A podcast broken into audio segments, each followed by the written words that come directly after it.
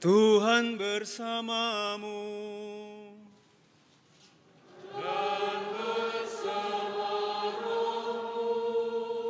Inilah Injil suci menurut Matius.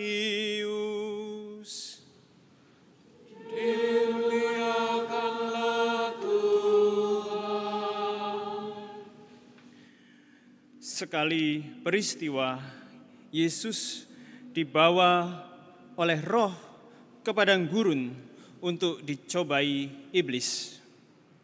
Setelah berpuasa 40 hari dan 40 malam, akhirnya Yesus pun lapar.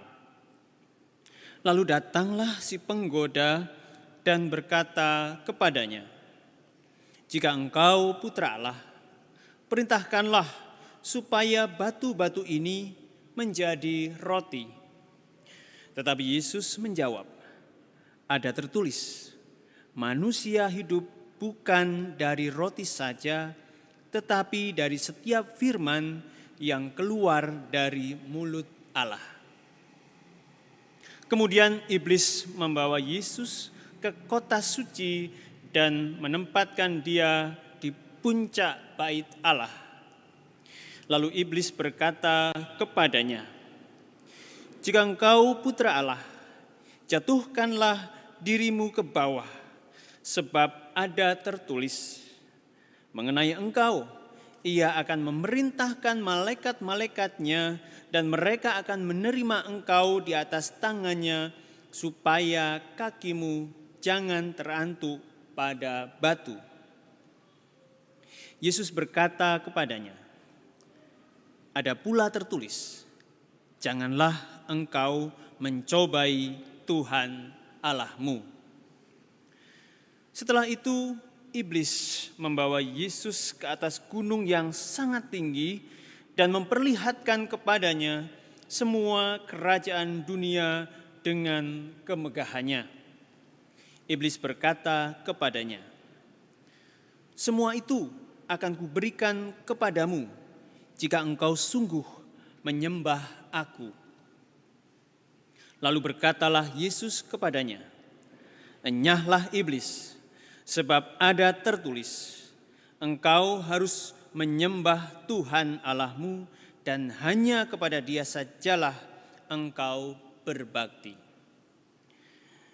Sesudah itu iblis meninggalkan Yesus dan lihatlah malaikat-malaikat datang melayani dia.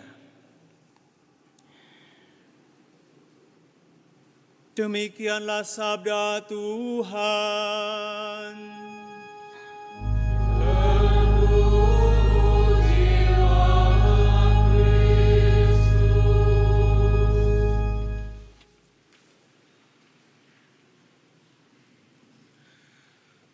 Bapak, Ibu, saudara-saudari, anak-anak, suster yang terkasih, saya adalah seorang Romo yang diutus untuk bekerja di organisasi atau lembaga sosial. Ketika saya mulai bekerja sejak saya frater tahun 2016 yang silam, segera saya akrab dengan dua istilah ini, dua istilah Inggris. Yang pertama, lessons learned. Yang kedua, best practices. Mungkin teman-teman, Bapak, Ibu, saudara-saudari juga tidak asing dengan istilah itu. Ini memang tidak khas organisasi atau lembaga sosial karena banyak institusi lain, institusi pendidikan, profit non-profit, mungkin juga institusi pemerintah sebenarnya mengenal istilah-istilah ini. Setelah sekian waktu melakukan pelayanan, kami melakukan evaluasi terhadap pelayanan yang kami lakukan. Dari proses evaluasi ini, kami sering kali mendapatkan atau bahkan harus mendapatkan pembelajaran yang bisa dipetik itu yang pertama, sekaligus praktik-praktik terbaik yang pantas untuk diteruskan. Lesson learned atau pelajaran yang dapat dipetik adalah pengalaman yang disaring dari kegiatan-kegiatan di masa sebelumnya yang harus secara aktif diperhitungkan dalam tindakan atau perilaku di masa mendatang.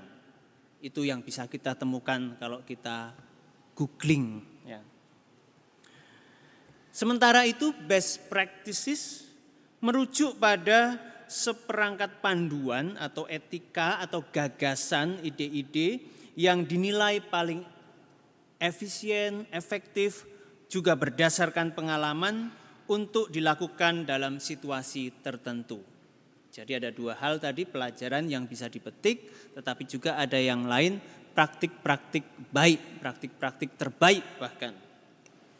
Tentu saja saya tidak akan masuk ke contoh-contoh praktik baik maupun pembelajaran dari lembaga tempat saya bekerja nanti bisa sangat panjang.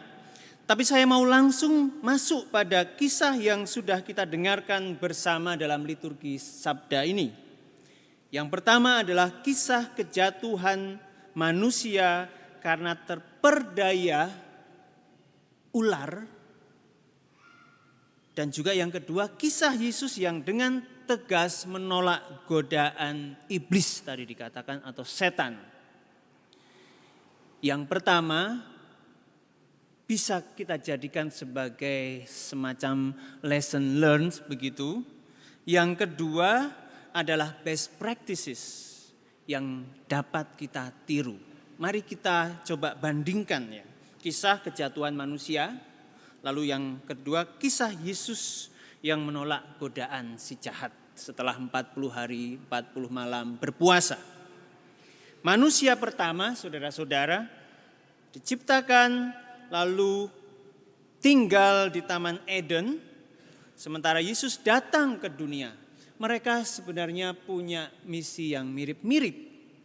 Dalam arti mereka berdua punya misi untuk melakukan kehendak Allah. Dan untuk bisa melakukan kehendak Allah mereka harus taat dan saya kira ini menjadi misi kita semua. Kita hadir di dunia untuk melakukan kehendak Tuhan, untuk menyenangkan Dia.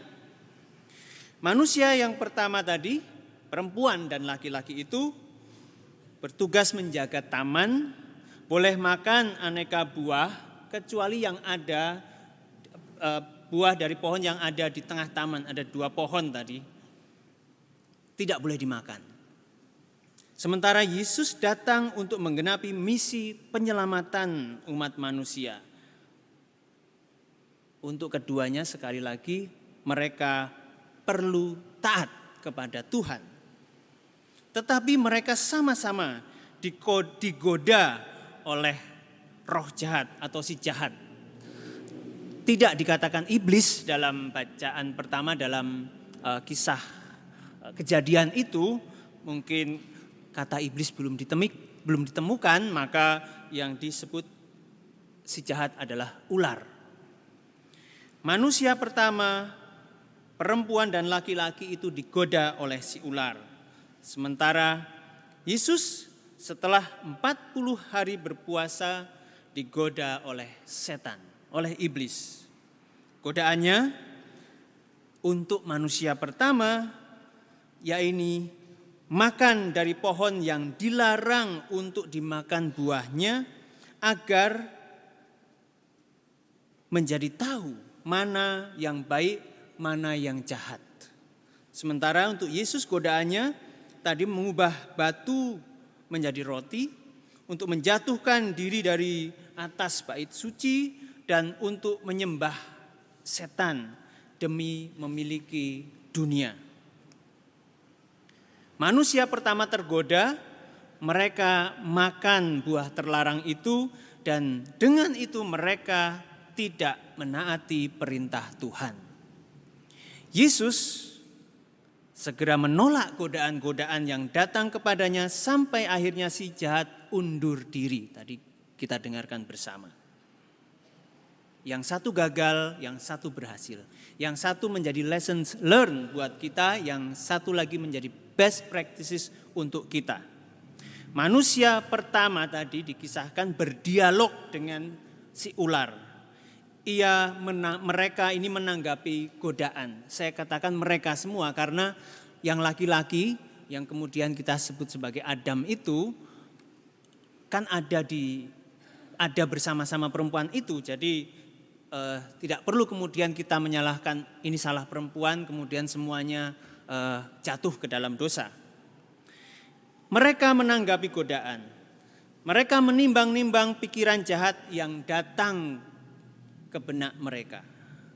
Sementara itu Yesus tidak berdialog, dia langsung memotong pembicaraan dengan memakai sabda Allah. Ada tertulis. Lalu kemudian diakhiri dengan enyahlah engkau. Saudara-saudara, inspirasi penting dari dua kisah ini. Yang pertama saya kira, jangan berdialog dengan si jahat.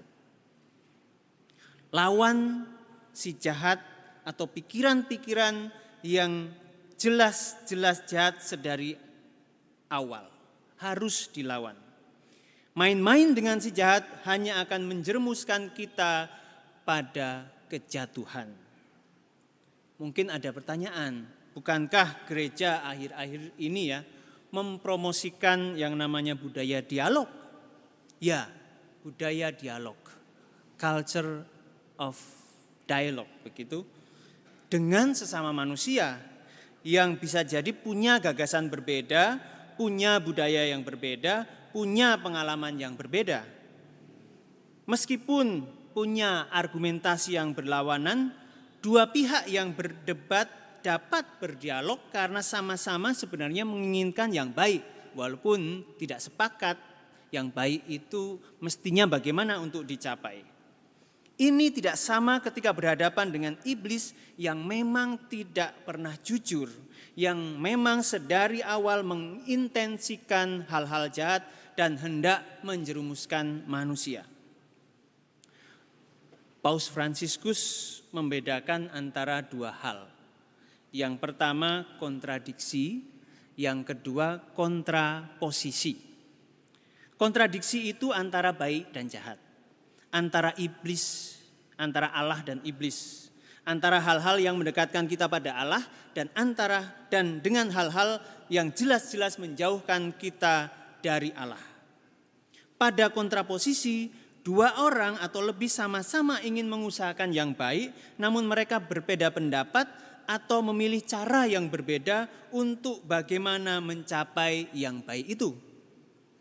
Untuk yang kedua, yaitu kontradiksi, eh, itu yang pertama atau yang kedua tadi, kontradiksi atau kontraposisi ya. Untuk yang pertama, yang kontradiksi, yang diperlukan adalah ketegasan. Kita mesti tegas menolak yang jahat. Inilah yang tidak dilakukan oleh manusia pertama tadi, baik perempuan maupun laki-laki itu yang ada bersama-sama dengan perempuan yang digoda. Tetapi yang dilakukan oleh Yesus, ia tegas menolak pemikiran setan, bahkan menolak untuk berdialog dengan dia. Maka sekali lagi, Pengalaman kejatuhan manusia adalah pelajaran penting yang bisa kita petik.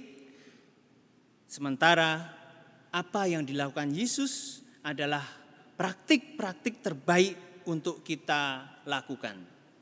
Sekarang saya akan uh, berlanjut ke beberapa abad setelah zaman Yesus. Santo Ignatius Loyola dalam latihan rohani mengajarkan diskresi rohani atau pembedaan roh. Diskresi adalah menimbang-nimbang di hadirat Tuhan untuk untuk dapat memilih yang lebih baik di antara yang baik-baik. Dalam hal yang sudah jelas buruk tidak perlu diskresi. Dalam hal yang jelas buruk kita harus berani menolak sejak awal. Santo Ignatius memberi kepada kita beberapa panduan dalam menghadapi godaan roh buruk dan si jahat yang sejak awal berbohong atau hendak menyesatkan kita.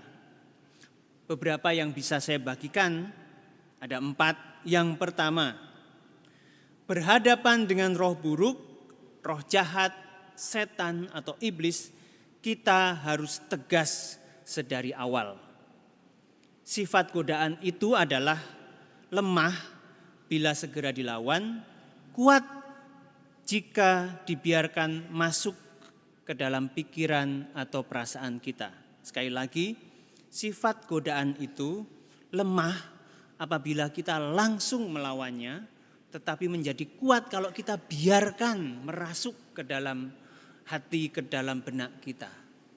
Saya kira ini baik untuk direnungkan bagaimana yang baik untuk melawan godaan itu. Ini tip yang pertama. Tip yang kedua atau panduan yang kedua, godaan ingin selalu disembunyikan.